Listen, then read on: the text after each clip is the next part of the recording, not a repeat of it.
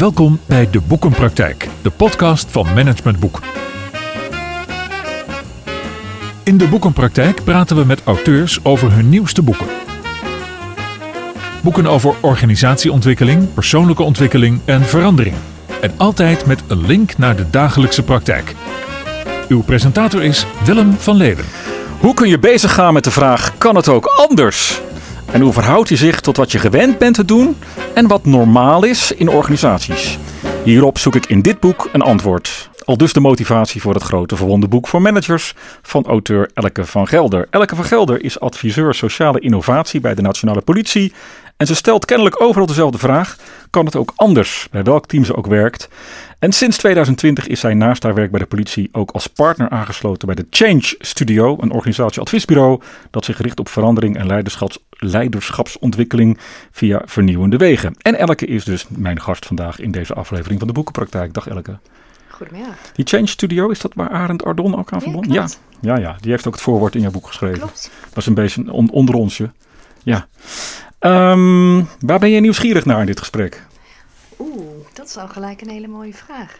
Die haal ik uit je boek. Ja, die, klopt. ik ben er nieuwsgierig naar welke vragen er komen natuurlijk. Ja. En wat er vervolgens gebeurt en of ik ook zelf weer aan het denken word gezet. Oké, nou, misschien moeten we dan aan het einde nog even kijken of dat gebeurd is. Want je typeert jezelf een beetje als luis in de pels. Klopt. Waarom? Simpelweg omdat ik zo ben aangenomen, zo'n 15 jaar geleden bij de politie. Dat klinkt een beetje afhankelijk van een, iemand, iemand anders heeft dat bepaald of zo? Iemand anders uh, vroeg erom. Dus ik kan me nog heel goed herinneren dat ik zat bij de, zo'n promotiepraatje dat ze hoger opgeleiden zochten bij de politie. Ja. En dat het woord luis in de pels viel. Oh. En toen dacht ik, een luis in de pels, dat is interessant, dat wil ik wel zijn. Ja. En dat woord luis in de pels, dat is eigenlijk constant teruggekomen. En op een gegeven moment, als je het heel vaak hoort dat je het bent, ja, dan word je het vanzelf. Oké, maar is het niet zo dat je, dat je het al was voordat je überhaupt bij de politie aantrad? Of, uh... Uiteindelijk bleek van wel. Waarschijnlijk is het ook een van de selectiecriteria geweest om aangenomen te worden. Ja. En over de jaren heen heb ik wel een haat-liefde verhouding gekregen met het woord luis in de pels. Want? Omdat het vooral ook negatief kan zijn. Ja, luis in de pels, dat zijn luizen, dat ook letterlijk luizen, de beestjes ja. op ons hoofd, dus schrijft ja. er ook over. Klopt. Daar willen wij van af. En ook dat de luizen in de pels, die zijn niet geliefd. Nee. Nee. Die zijn juist Waarom wil jij dat irritant. dan zijn? Ja, dat vroeg me op een gegeven moment. Welke uh, afwijking heeft u? Dank u. Waarom ik dat wel wilde zijn, omdat er ook iets gebeurt. En dat het iets in beweging zet. En soms is het heel vervelend om... Ja, hoe zeg je dat in goed Nederlands? Zeg het maar in het Engels anders. Ja, ja weet ik ook eventjes niet. Oh. Um, geconfronteerd, dat is het goede woord. Ja. Geconfronteerd te worden met iets wat niet prettig is en iets wat niet fijn is. Maar alleen als je het weet en er bewust van bent, kun je er ook iets anders mee gaan doen. Ja, ja. Nou, nou zei je ook al, ik ben er eigenlijk bewust of speciaal op aangenomen. Ik, ik, ik ken zelf een beetje die organisatie, die nationale politie. Dat is een, dat is een georganiseerde, een strak hiërarchische organisatie. Ik kom niet zoveel luizende pels daar tegen. Hoe werkt het dan voor jou om daar die luizende pels te zijn? Ben je dan een roepen in de woestijn?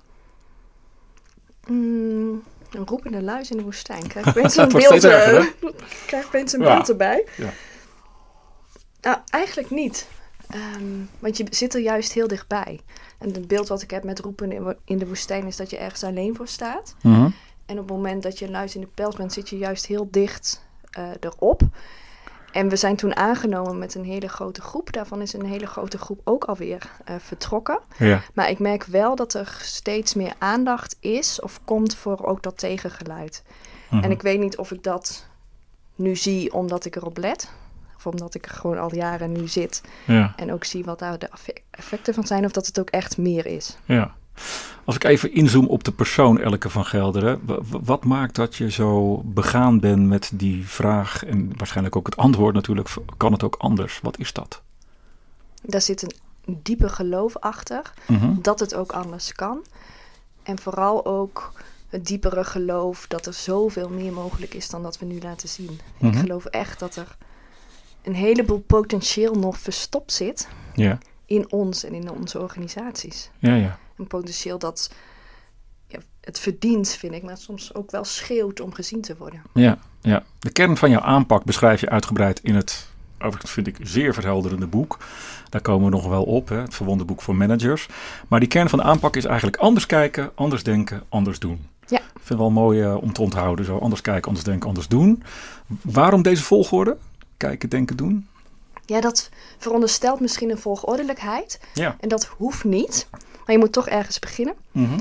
En het anders kijken en anders denken kan soms wel heel intern plaatsvinden. Dus dat hoeven andere mensen nog niet te zien. Maar het anders doen volgt op het anders kijken en anders denken. Ja. Maar het kan soms ook zijn dat je anders gaat doen en daarmee anders Ja. gaat kijken Ja. en anders gaat denken. Dus ja, je moet toch ergens beginnen. Ja. En hij klinkt wel, voor mij zo wel een logische volgorde, maar ik ga even proberen hoor, hoe het klinkt als je het andersom zegt. Mhm. Anders doen, anders denken, anders kijken. Ja, Nou ja, ik vraag me even af, als je luis in de pels bent, dan, dan, maar dat is natuurlijk allemaal weer even mijn, is allemaal mijn gedachte en mijn framing, dan betekent dat volgens mij dat je zelf ook wel anders doet. Zeker, Ja. ja. Stel dat ik een beetje met jou meeloop bij die nationale politie, wat doe jij anders?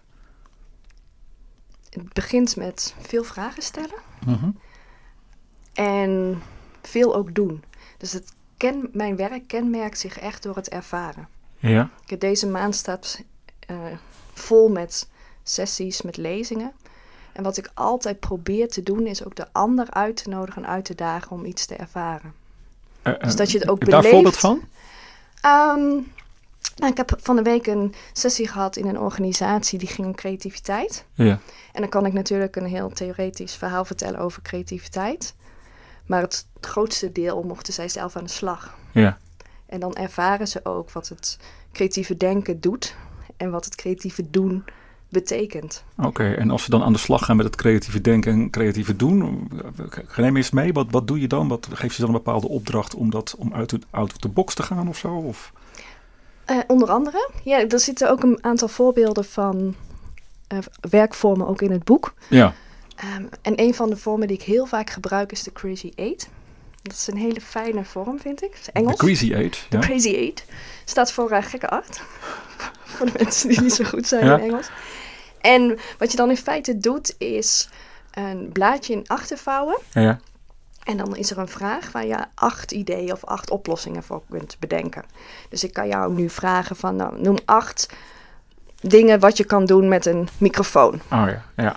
Ja. En de eerste drie, vier zul je merken, die kun je vrij snel opnoemen. Mhm. Dan denk je, ja, kun je een podcast mee opnemen, Ja. kun je door zingen enzovoort. En op een gegeven moment is je hoofd klaar met die Ja, eh, bekende lijntjes en moet je echt wat meer je best gaan doen. ja, ja. En dan komt de creativiteit Ja. als het ware, het out of the box eh, om de hoek En dat kan ik jou vertellen en dan zie, zie ik jou ook knikken. Maar op het moment dat je het gaat doen en zelf gaat ervaren hoe het is om zo te werken met ideeën, dan ontstaat er ook weer iets anders. Oké, oké. Hey, en ehm, dan, dan doen mensen zo'n workshop, hè, de Crazy Eight, pas jij dan toe. Ehm, daarna gaan mensen dan ook echt anders naar hun werk terug? Of doen ze dan een plas en alles bleven zoals het was en we gaan weer terug in het format?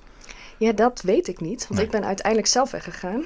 Oh, Ja, d- daar heb je een beperkte invloed op. En wat je vaak ziet in organisaties is dat er inderdaad sessies, bijeenkomsten worden gedaan.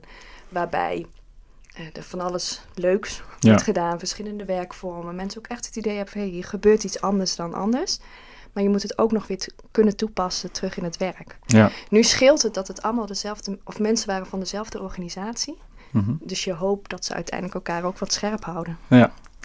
Ehm, ik zit aan Schiphol te denken, ineens. Ja, daar gun ik eh, veel mensen deze sessie. De Crazy Eight. Al, Ja, al was het alleen ja. maar om misschien eens eventjes wat, wat, meer, wat nieuwsgieriger en wat meer out of the box te kijken naar de vaste eh, patronen en de, de logistiek. Nou, Eh, toeval bestaat niet, denk ik. Want ik reed Oh. hier naartoe en ik stond even in de file.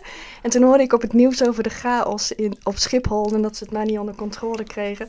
En ik dacht precies hetzelfde. ja, Ik zei, wat zou er nou gebeuren als er gewoon op een creatievere manier gekeken wordt naar die... geef eens antwoord op die vraag.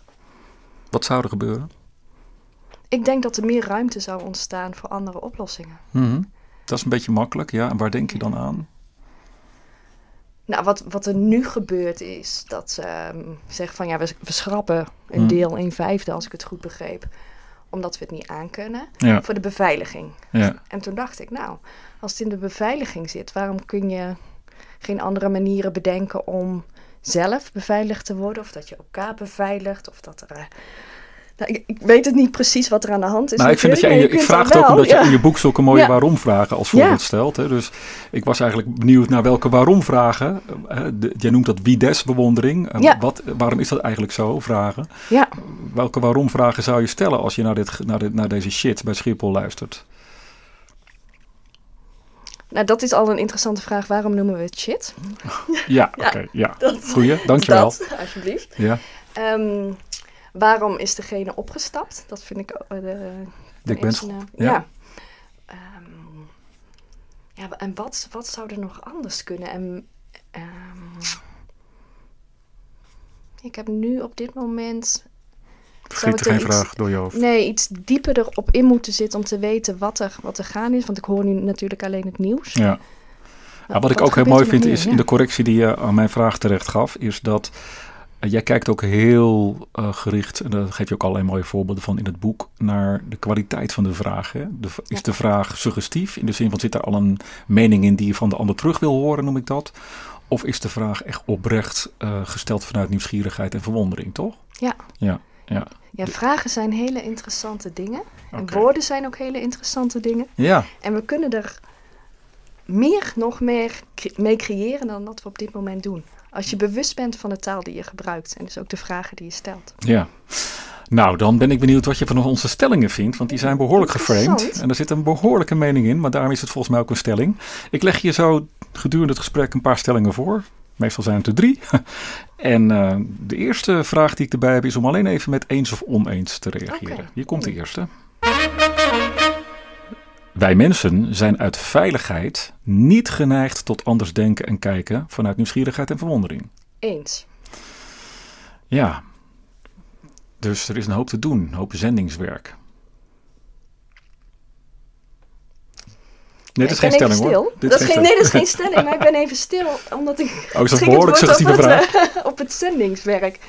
Want dat pretendeert dat een ander het beter weet en een ander wil overtuigen. Oh ja, oh ja ik moet Te- op gaan letten. Ja. Ja, ja, ja. Ja, heel goed, heel goed. Elke, ja. En het zit misschien niet in het stuk overtuigen of anderen erbij willen betrekken, maar vooral in het uitnodigen en uitdagen om het soms anders te doen. Ja, En daar ook begrip hebben voor de situatie waar mensen in zitten. ja. Waarom ik het ook een beetje aan de orde stel is ehm, omdat ik ook heel erg voorstander ben van meer verwonderen en meer nieuwsgierigheid.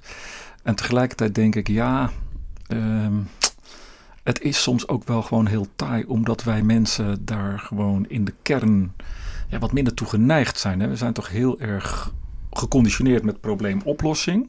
Enerzijds en anderzijds ja, geeft het ook heel veel veiligheid om vooral maar niet veel Ja. waarom-vragen te stellen. Want ja, dan hoeven we niet zo diep.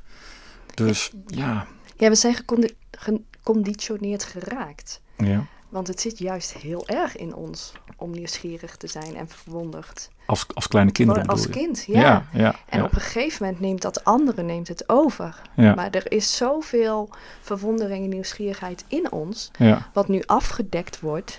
Ja, want tegelijkertijd, hè, kijk, de vraag naar kritische eh, en, en creatieve denkers is misschien alleen maar toegenomen door, door, door, de digitalisering en dat veranderingen in de maatschappij zo snel gaan.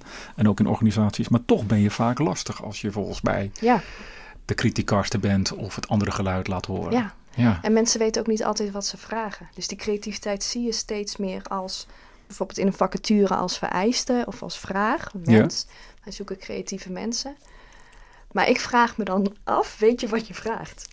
Oké. En hoe creatief mag het zijn? Heb je daar een voorbeeld van? Nou, wat ik bijvoorbeeld wel eens heb gehoord, ehm, is dat er een hele creatieve collega is. En die is dan uitgenodigd bij een brainstorm als creatieveling. Ja. En dat ze vervolgens horen kreeg van, ja, maar zo creatief bedoelen we nu ook weer niet. Oh. Je moet wel een beetje binnen de lijntjes blijven. Oké, ja, het- het- dus het is heel erg geframed alweer. Ja, Ja, ja, ja. Ehm, jij bent een enorme ehm, ambassadeur van sociale innovatie. Zo, zo is dat gelabeld. Wat is dat precies, sociale innovatie? ja, in de kern gaat sociale innovatie over de drie elementen die je net ook al noemde. Het anders kijken, het anders denken en het anders doen. Mhm. Maar dat anders staat nooit op zichzelf. In de eerste plaats kan het niet ontstaan zomaar. Ja, Maar heb je in mijn optiek de verwondering en de nieuwsgierigheid daarvoor nodig. Maar je doet het ook niet om het anders. Dus wat, wat je wil met dat anders, is dat er vernieuwing komt, innovatie, verandering, Ja, groei, ja, ontwikkeling. ja. En je maakt ook een onderscheid, dat vind ik ook wel mooi, in de begrippen, tussen de begrippen zien en kijken. Ja, Want je hebt, het niet, je hebt het volgens mij bewust over anders kijken en niet over anders zien. En dan een, vooral meerduidig kijken. Kun je dat uitleggen? Wat is het verschil tussen zien en kijken? het ene is een bewuste vorm van het andere. Dus je kunt ehm, soms dingen zien, maar er niet naar kijken. soms, Oh, wacht even hoor. Het is vrijdagmiddag, soms Elke. kijken en dingen toch niet zien. Dat moet je Ehm, even toelichten. Kijk, bijvoorbeeld als je. ehm, ehm, ik weet niet of je bent- met de auto bent vandaag en je rijdt straks terug en het is een route die je waarschijnlijk al vaker hebt Ja, gedaan. ja. Je ziet dan eigenlijk niet meer wat er in jouw omgeving is. Nee. Maar op het moment dat je gaat kijken, dan zie je het weer. Ja, ja, Voor mij is, ben ik hier nog nooit geweest, dus het is een nieuwe route. Dus ik zie ja, veel meer, ook omdat ik op moet letten en dus mo- beter moet ja. kijken waar ik ben. ja. Laatst was ik een keer sinds tijden medepassagier. Dus mocht ik gewoon naast de bestuurder plaatsnemen. Mhm. En toen dacht ik, verrek, er zijn allerlei dingen langs de weg die ik zelf nooit opgemerkt Ja. heb. Ja, dat Omdat je niet kijkt. Ja. Ja. Ja. ja, mooi. Zullen we nog een stellingje doen? Nou, ik ben er klaar lekker voor. bezig. Komt-ie. In een snel veranderende maatschappij is juist overzicht, rust, orde en veiligheid nodig in plaats van anders doen. Oneens. Vertel.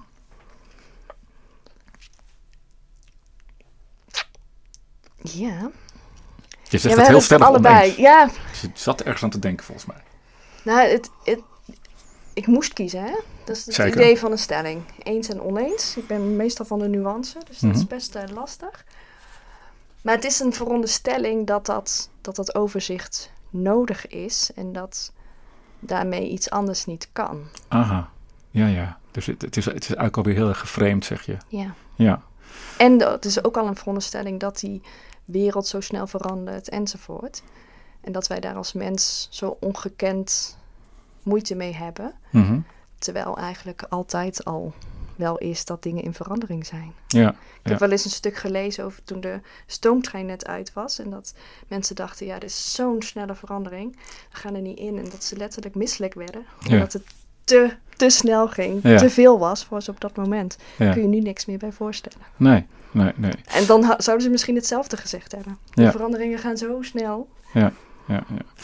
Jij maakt ook in je boek onderscheid tussen eh, leren werken van min 1 naar 0, Ja. zoals je dat beschrijft, en van 0 naar 1. Daar zit voor mij ook wel een duidelijk verschil in anders doen in. Kun je dat toelichten? Wanneer werken we, en dat is ook een beetje volgens mij wel de, de hoe zeg je dat, Eh, het ritme waar we vooral in zitten, van min 1 naar 0. Ja. De conditionering, wat, wat is dat precies? Van min 1 naar 0 en van 0 naar 1? Dat van min 1 naar 0 noem ik voor het gemak even het normale werken. Het bekende werken. Mhm. Dus dat we wat we doen. En ik noem een aantal woorden en je zult het vast, vast wel gaan herkennen. Ja, Problemen oplossen, efficiënt en effectief. Ja. Zo snel mogelijk. Omgaan met de waan van de dag.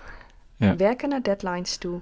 Regelen en problemen oplossen. er hoort ook bepaalde taal al bij. hè? Ja, zeker. Ja. Ja, en dat is in feite het managen wat we doen. Dus we zijn hele dagen echt heel druk Mhm. om te doen wat we doen. En dat is, is het oplossen van problemen zo snel, zo efficiënt mogelijk. ja. En dan werk je dus eigenlijk vanuit een probleem naar een nullijn toe. En Mhm. als je op die nullijn bent, dan sta je op rust. Ja, Ja. En dan is het oké. Ja. En wat is dan, de volgende stap is dan van 0 naar 1. En Ja. Wat doen we daar dan anders in? Als je werkt van 0 naar 1, dan draai je eigenlijk om op die nullijn. En dan ga je veel meer kijken naar wat kan er nog meer? Wat is er nog meer mogelijk? En wat ga ik zien als ik kijk vanuit wat er mogelijk is, in plaats van Hm. het altijd maar zien van problemen. Ja. En dat, dan ga je anders kijken. Mhm. Dan ga je dus ook andere dingen zien. ja. Het, je gaat je creativiteit veel meer inzetten. Kun je het leren? Ja, ik denk wel dat sommige mensen er beter in zijn dan andere mensen. Hoe komt dat dan? Aanleg. Ja, ja. Ja, Ja. maar ik denk ook dat je het kan leren en dat het, dat het vooral vraagt om iets af te leren. ja, ja. Ehm, belangrijke thema's daarbij, we, we hebben het al een beetje over gehad, zijn nieuwsgierigheid en verwondering. Die onderscheid jij ook heel mooi in je boek. En je, je, je, je, je, je hebt verschillende niveaus van, zou ik bijna willen zeggen, van nieuwsgierigheid en van verwondering. hè? Ja. Ehm, je hebt twee vormen van nieuwsgierigheid. Welke zijn dat? De mind the gap. nieuwsgierigheid, Oh ja. zo noem ik Ja. dat. Het is het dichten van een kloof. Je weet Hm. iets niet en je wil het wel weten. Ja. En uiteindelijk breng je die twee bij elkaar. Dan weet je het wel. En de exploratieve nieuwsgierigheid, waarbij je nieuwsgierig bent van... De exploratieve nieuwsgierigheid. Exploratieve, ja. Wanderlust hoort daar ook bijvoorbeeld bij als eh, woord. Dus dat je gewoon zin hebt om te gaan ontdekken, om op pad te gaan. Om te zien wat er allemaal nog meer is. Ja, daar zit, daar zit minder dwang, lijkt het wel onder. Hè? Bij de eerste klinkt wat van, ik, ik moet ergens aan voldoen, bepaalde kennis of Ja. zo. Of ik moet, iets, ik moet iets leren, anders voldoe ik niet. ja, zit het is ook hoofdelijker, cognitiever. Ja. ja. Ja, en exploratief is veel meer eh, vanuit je hart en vanuit je gevoel. Ja, Ja. ja, oké. in beweging komen. Ja. Ja. En dan ook nog twee vormen van verwondering. De, de, de wie-des-verwondering, dus afkorting van waarom is dat eigenlijk zo. En een diepe verwondering. Dat laatste, dat, dat moet je even uitleggen wat je daar bedoelt. De diepe verwondering is de geraaktheid. En die diepe verwondering kennen, ook, kennen we ook vooral bij kinderen die iets voor de eerste keer zien. Mhm. Als we ouder worden, dan zien we, hebben we vaak al veel gezien. Dus worden we ook wat minder geraakt. Mhm. Maar dat kan bijvoorbeeld zijn een natuurverschijnsel of mooie bergen of natuur. Of het feit dat je je kind voor het eerst in je armen houdt. En dat je zegt, "Wa- wauw, hoe, hoe kan dit toch ontstaan? Ja. En je hoeft geen antwoord te hebben op hoe dat kan. Ja. Want dat is een heel plat feitelijk antwoord hoe een kind ter wereld komt. Ja, Maar het, het besef van een iets gro- dat er iets groters is dan ja, wat je kan begrijpen met je hoofd. ja. En die ervaring daarbij, dat is de diepe verwondering. Die ontstaat volgens mij ook veel meer in het hier en nu dan, hè? Dat op het moment zelf. Ja, dat kan volgens ja, mij, nee, ja. Je gaat niet zeggen, ik ga me nu eens even diep verwonderen. Nee, Nee. nee. Nee, nee. Nou, kijk ik even naar de maatschappij. En ehm, we hadden van de week ook de HJ schoollezing van minister van Justitie. En die had het ook over wokisme. Een soort van stroming die leidt tot meer uitsluiting. Oftewel, we hebben steeds minder oog en oor juist voor het perspectief van een ander. We zijn veel minder nieuwsgierig en verwonderd naar wat een ander vindt. Ehm, dus hoe kunnen we dat dan weer een beetje omdraaien? Dat, dat vind ik zo boeiend. Hoe, je beschrijft wel wat het is, maar hoe, hoe, hoe, zorg ik dat ik een beetje een duit in het zakje doe in deze maatschappij van polarisatie? Nou, daar komt hij hoor, de vraag toch weer terug. Ah. Hoe zou jij nou meer nieuwsgierig kunnen zijn? Ehm, ik, een heel flauw antwoord is door regelmatig een podcast te houden waarin ik dit soort vragen stel, maar die is te makkelijk. Eh, nou, ik denk toch door me vooral te verplaatsen in eh, waarom een ander iets vindt. Dus wat ik merk is dat we heel oordelend zijn. Dus die polarisatie die, die, die, die ontstaat volgens mij omdat als ik maar enigszins vind dat jouw mening afwijkt van mijn mening, dan ga ik nog meer mijn mening verkondigen. Dus ik word nog luidkeelser en ik serveer jou af als zijnde een verkeerde mening. Maar ik kan ook eens de vraag stellen, waarom denk jij eigenlijk zo? Ja. Dus het gaat volgens mij over verplaatsen en empathie en dus ja, over nieuwsgierig Ja. zijn. Alleen ik vind het zo boeiend dat, dat, dat ik dat dan wel weet, maar dat ik dat om me heen zo nog zo, zo matig zie. Wat is dat dan toch? Ja, er zijn drie woorden die nu in mij opkomen. Die heb ik overigens niet in mijn boek gebruikt, maar ik vind ze wel heel mooi. Mhm. En het eerste wat in mij opkwam toen jij dit zei, was die xenofobie. Dus eigenlijk de angst voor de ander of het andere. Ja, ja. Nou, tegenover fobie staat heel vaak eh filie, dus het houden van. Ja, Dat is dan een volgende stap. En wat je ook hebt bij xeno is xenogamie. En dat is kruisbestuiving. Hmm. Dat vind ik een heel mooi woord, ja, omdat je dan ervaart dat je elkaar nodig hebt om weer tot iets nieuws te komen. ja. ja. Oké, wauw. En waar we nu vaak nog in zitten, is dat toch wel een, een xenofobe Ja, houding. ja, Ook uit zelfbescherming. Want als dat andere maar stom is of als ik er maar niks mee hoef, dan betekent dat ik ook niet Mhm. hoef te groeien. Of dat, dat misschien zegt het ook wel iets over mijn standpunten. Mhm. En dan moet ik die misschien veranderen, terwijl ik er helemaal geen zin in heb. En een mooie stap is wat jij inderdaad ook al zegt. Van ja, ik kan er gewoon eens naar vragen. En misschien ga ik er wel van houden. ja. En de volgende stap is hoe kun je er samen iets van maken dat je in beweging nog kan komen. Ik moet ineens denken aan een, een klein gesprekje wat ik eh, voor deze podcast had met een van de mensen hier bij Management Boek. En dat ging over het fenomeen rij. En wij onderscheiden twee soorten fenomenen rij in deze actualiteit. Namelijk de rij bij Schiphol, daar heb je hem weer. Mhm. Waar mensen volgens mij enorm xenofoob van worden. Ja. Maar er is inmiddels ook een rij van acht kilometer bij eh, het afscheid nemen van Queen Elizabeth in Engeland. Terwijl we dit aan het opnemen zijn. En daar zijn mensen enorm bij betrokken om in die rij te gaan staan van 30 uur en 8 kilometer. Omdat dat misschien wel heel xenogaam is. Dan verbinden we ons met elkaar in de zin van wij hebben alleen al het proces van met elkaar in een rij staan verbindt ja. ons. Ja, Mooi hè? Zeker, ja. En interessant, dan denk je, waarom zou dat ook niet bij Schiphol kunnen? Ja, dat vroeg en me misschien ook heb af. je dan ook gelijk alweer een soort van idee om iets te doen aan de chaos. Ja. Ja. Nee, maar ik bedoel, dat, dat, dat was precies ook Ja. wel leuk dat je dat zegt. Want dat, die vraag stelde ik dus ook van, zouden we dan zeg maar dat, dat die emotie en dat gevoel en die beleving van zo'n rij mm, eh, in Engeland ook kunnen overbrengen bij een gezamenlijkheid in een rij bij Schiphol. Maar ja, nou goed. Interessante gedachte. Ja, ja. Organisaties, hè? ehm, die dit, mensen in organisaties, misschien wel managers of, of, of, of directeuren, maar misschien ook medewerkers natuurlijk wel. Hoe kunnen organisaties dat, dat, dat verwonderen en dat nieuwsgierig zijn ook een beetje stimuleren? Ja, je gaf net al aan dat ik een onderscheid maak inderdaad in twee soorten verwondering. De diepe verwondering die niet echt afdwingbaar is. Dus je kunt niet zeggen, gaat heen en eh, verwondert u. Nee. Maar de andere vorm van nieuwsgierig of van verwondering, de wides, waarom is dat eigenlijk zo, verwondering, die Ja. kun je best wel oefenen en trainen. Ja. En dat betekent dat je vaststaande gegevens in de organisaties, dus de status quo noemen we dat ook wel, dat je die gaat bevragen. Dus waarom is het eigenlijk zo dat we de dag altijd starten met koffie, ik noem maar even Ja. iets. Of waarom is het zo dat we, nou, verzin iets en Ja. eh, er zijn heel veel Onze auto op die parkeerplaats parkeren. neerzetten. Of ja. dat we in teams werken. Of dat we van 9 tot 5 werken. Ja. Er zijn heel veel dingen die we doen op de automatische piloot. Omdat we ze nu eenmaal doen. Zoals we doen. Die heel, zich heel erg lenen voor verwondering. Hm, mooi, mooi. Laatste stelling. Ons patroon van snel problemen willen oplossen, juist ook omdat, dat is een beetje die mind the gap denk ik, hè? juist ook omdat we steeds minder veerkracht voor het effect van deze problemen hebben, leidt uiteindelijk, leidt uiteindelijk vaak niet tot het echt oplossen van die problemen. Heb ik hem goed voorgelezen of moet ik hem nog een keer voorlezen? Ja? En je ziet mij weer denken. Zeker, En ik denk eens. want? Het Nou. is vrij eenzijdig. En je verkent het probleem niet. Nou, deze Verder. tijden van crisis, hè, bijvoorbeeld ook kabinet met heel veel crisis. Is het niet zo dat we te veel naar vanzelfsprekende oplossingen, dus dat we te veel in die van min 1 naar 0 schieten? Oh, absoluut. En Ja. alleen al het woord crisis nodigt uit om een probleem op te bedenken. Oké. Ehm, Dus we moeten het eigenlijk helemaal niet te veel labelen als crisis. Is dat wat je zegt? Nee, op het moment dat, dat je het labelt als crisis, dan wil je ook een, een oplossing hebben en ook een snelle oplossing. Mhm. Ja. Ehm, het interessante van je vraag vind ik dat je ervan uitgaat dat de vraagstukken altijd een oplossing nodig hebben.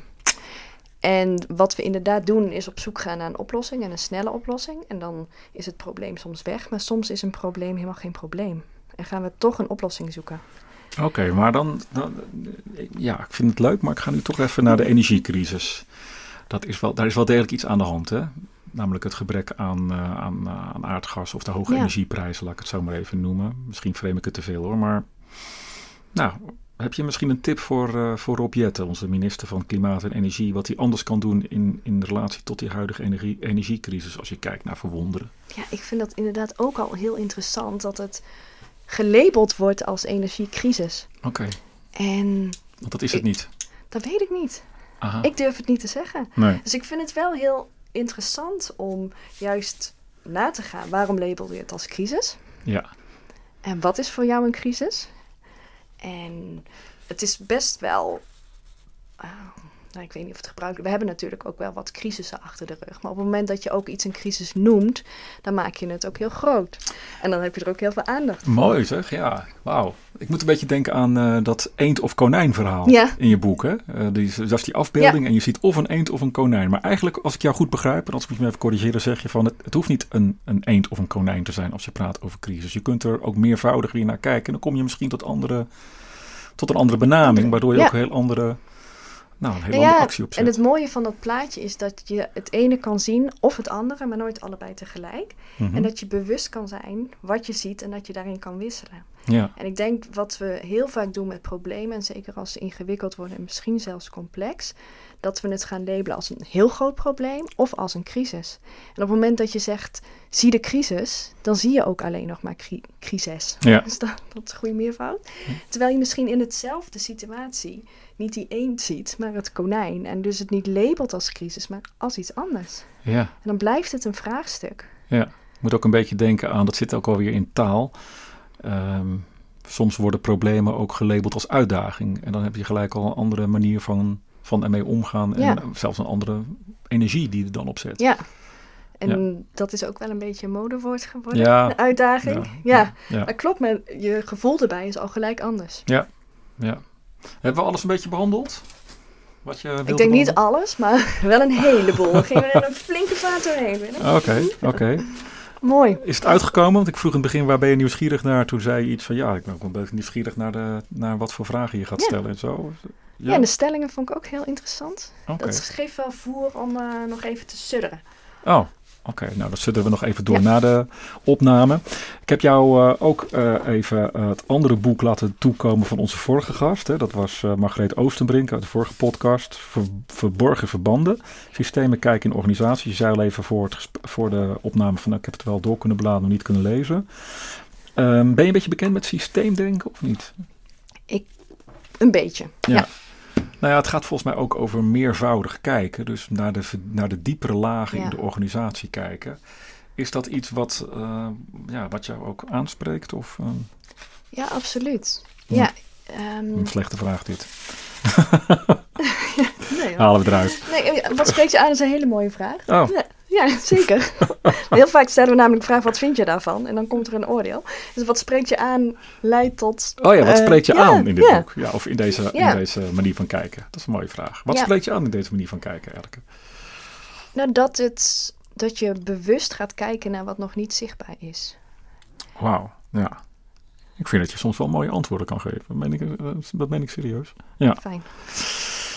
Dankjewel voor jouw deelname aan deze aflevering van de Boekenpraktijk. Elke van Gelder. Ehm, oh nee, ik heb nog één vraagje. Oh. Toch wel, want Toch, ik, ja. was, ik zat een beetje te stoeien met het ver- grote verwondenboek voor managers. Hoezo alleen voor managers? Ja, die vraag die krijg ik vaker.